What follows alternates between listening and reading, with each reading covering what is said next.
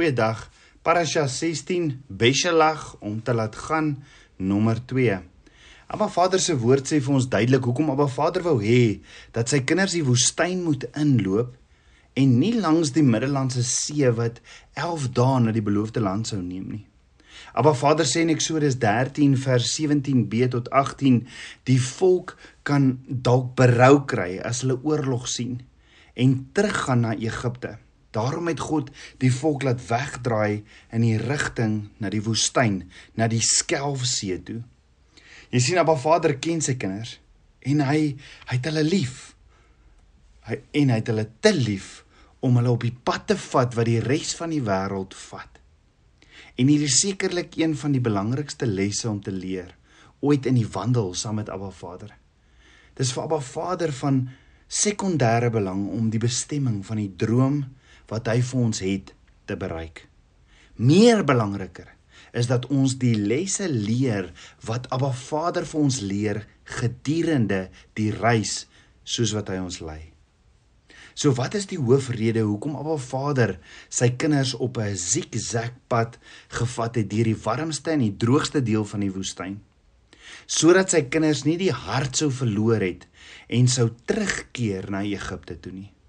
Let wel, die woestyn is nie die plek waar Ba Vader my straf nie.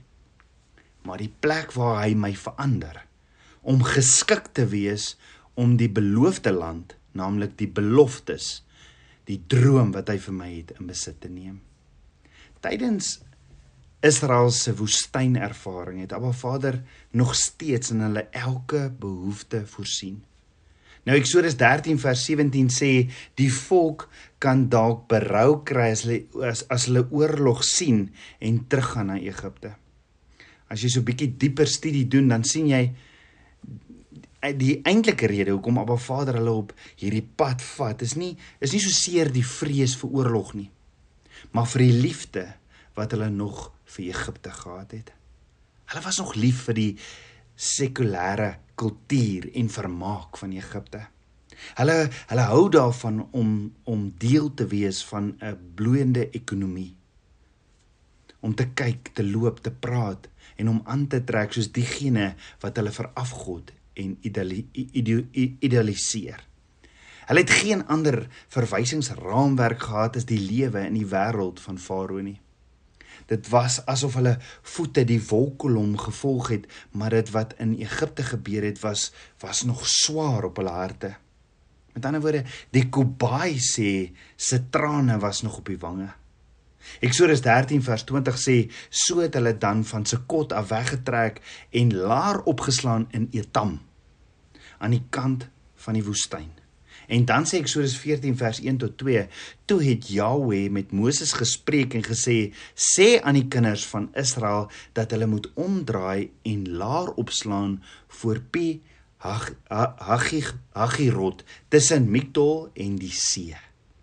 Met ander woorde toe hulle as die verlosstes uit Egipte trek en Abba Vader volg, het Abba Vader hulle heen en weer gelei langs die grens van Egipte.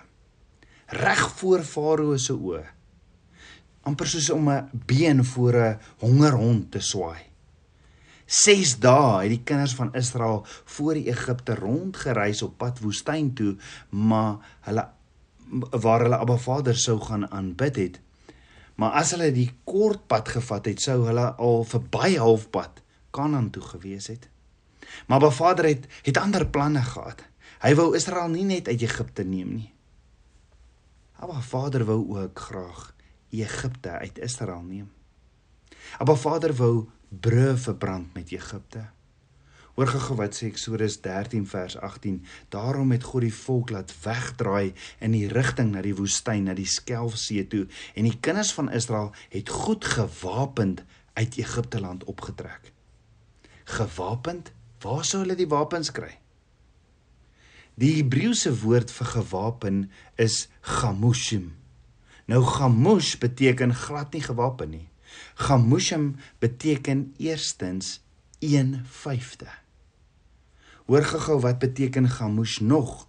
Dis 'n prentjie van 'n opgeligte arm met 5 vingers na bo. En ons gaan later sien Dis iets wat Moses ook gedoen het voor die Rietsee.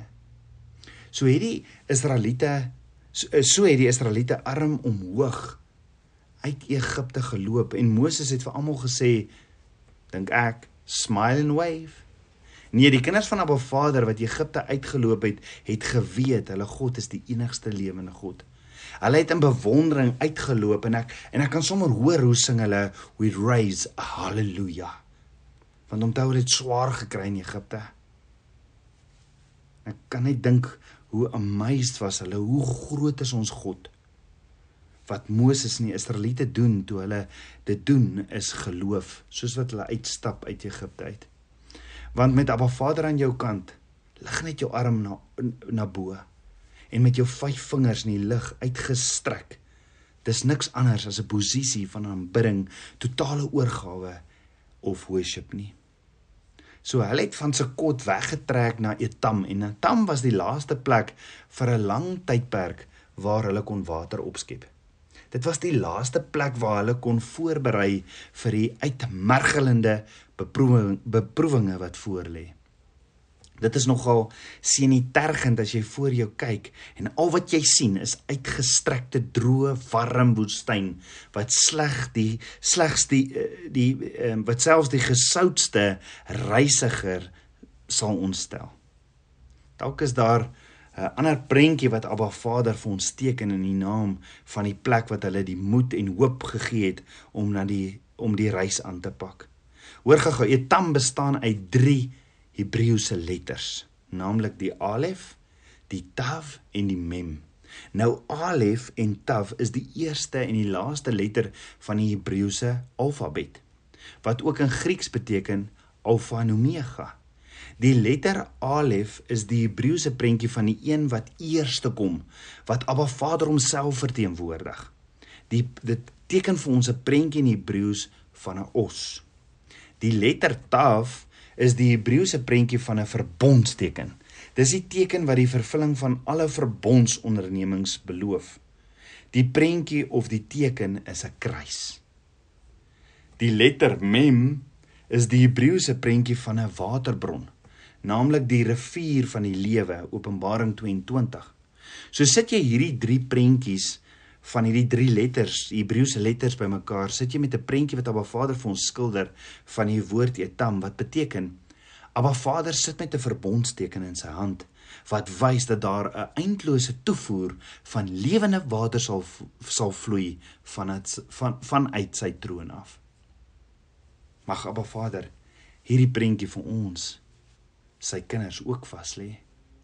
Ongeag die probleme, ongeag jou situasie wat jy vandag of in die toekoms sal ervaar, Abba Vader het ook vir jou 'n eindelose toevoer van lewende water wat sal vloei vanuit sy troon af as jy in verbond is met hom en hom volg. Maak nie saak hoe lyk die omstandighede of dit COVID-19 is of wat dit ook al is nie. Abba Vader het 'n eindelose toevoer van lewende water wat sal vloei vanuit sy troon af as jy in verbond sal stap en wandel saam met hom en hom gehoorsaam Shema. In Eksodus 14 vers 4 tot 5 sê Abba Vader en ek sal Farao se hart verhard dat hy hulle agtervolg en ek wil my aan Farao en sy hele leermag verheerlik. En die Egiptenaars sal weet dat ek die Here is. En hulle het so gedoen. Toe die koning van Egipte berig ontvang dat die volk wel gevlug het, het die hart van Farao en van sy dienaars teenoor die volk so bietjie verander. En hulle sê toe vir mekaar: "Wat het ons nou gedoen dat ons Israel trek het sodat hulle ons nie meer dien nie?" Nou hierdie die Hebreëse woord vir laat trek of laat vlug is barag wat beteken iemand het uitgebreek en ontsnap. Met ander woorde die kinders van Israel het met fors uitgebreek en ontsnap. Farao en die raadgewers het egter van beter geweet. Hulle het geweet Farao hulle het vir hulle 'n opdrag gegee en hulle eintlik weggejaag, Beshalag, want Farao kon nie meer die plaag verduur het nie. Maar die waarheid is baie vinnig vergeete. Farao het daarom nou da, het daarom nou 'n slagoffer mentaliteit aangeneem. Daarom besluit die hond toe om die been wat voor hom geswaai word te gaan gryp. Ja, in Eksodus 14 vers 6 tot 7 sê daarop het hy sy strydwa ingespan en sy mans, manskappe saam met hom geneem. En hy het 600 uitgesoekte strydwaans geneem en al die ander strydwaans van Egipte en die beste vegsmanne op elkeen daarvan. Vers 9 sê en die Egiptenaars het hulle agtervolg al Farao se perde en strydwaans, sy ruiters en sy leermag en hulle ingehaal terwyl hulle in die laar gestaan het by die see by, by die see by Pigarot voor Baal Sefon. Nou Pigarot, die naam van die plek beteken letterlik die ingang van die hel. En dan sê Eksodus 14 vers 10, toe Farao naby kom, slaan die kinders van Israel hulle oë op en kyk, daar trek die Egiptenaars agter hulle aan en hulle het baie bang geword.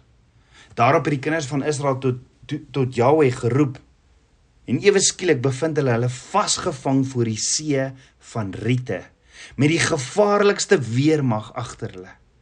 En toe neem bekommernis en vrees oor.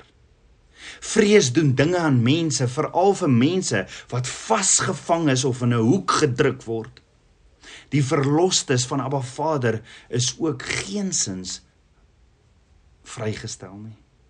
En in die spanning van die situasie kan selfs die verlosters van Abba Vader 'n paar onbekostig onbekostige en irrasionele dinge sê. Snaaks wat mense altyd kan kwyt raak as as vrees as jy vrees oorhand gee in jou lewe. Want die kinders van Israel vra toe vir Moses drie emosioneel gelaaide vrae.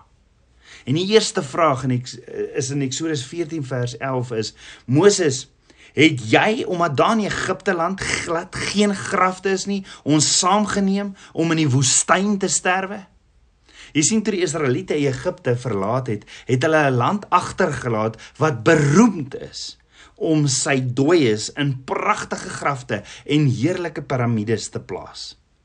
Hulle het ook 'n volk agtergelaat in die proses om elke eersgeborene van elke gesin te balsem, te treur en te begrawe. Onthou want alle eersgeborenes het gesterwe. Daar was inderdaad baie grafte in Egipte. In Egipte gaan alles eintlik oor die grafte. Die Egiptiese kultuur was absoluut gefassineer met die dood en met hulle grafte. So hoor die ironie van die kinders van Israel se vraag: Was daar nie genoeg grafte in Egipte nie? Dit vra hulle ook vir Moses wat 'n kus dra met Josef se se bene in. Want net voor Josef gesterf het, het hy sy broers mos laat sweer dat hulle sy bene in die beloofde land sal gaan begrawe. Genesis 50 vers 25.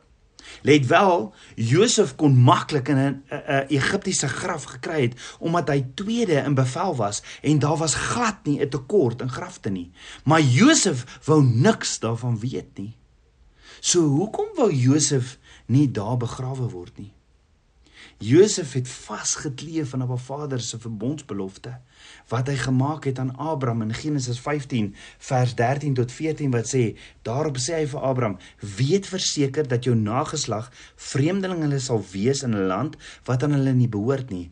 Daar sal hulle diensbaar wees en verdruk word 400 jaar lank. Lank voor dit gebeur het het Abba Vader dit vir Abraham gesê Maar dan sê Abba Vader verder, maar ek sal ook die nasie oordeel aan wie hulle diensbaar moet wees en daarna sal hulle uittrek met baie goed. En dis presies wat gebeur het. Hulle het silwer, goud en al daai goeder het hulle mee uitgetrek.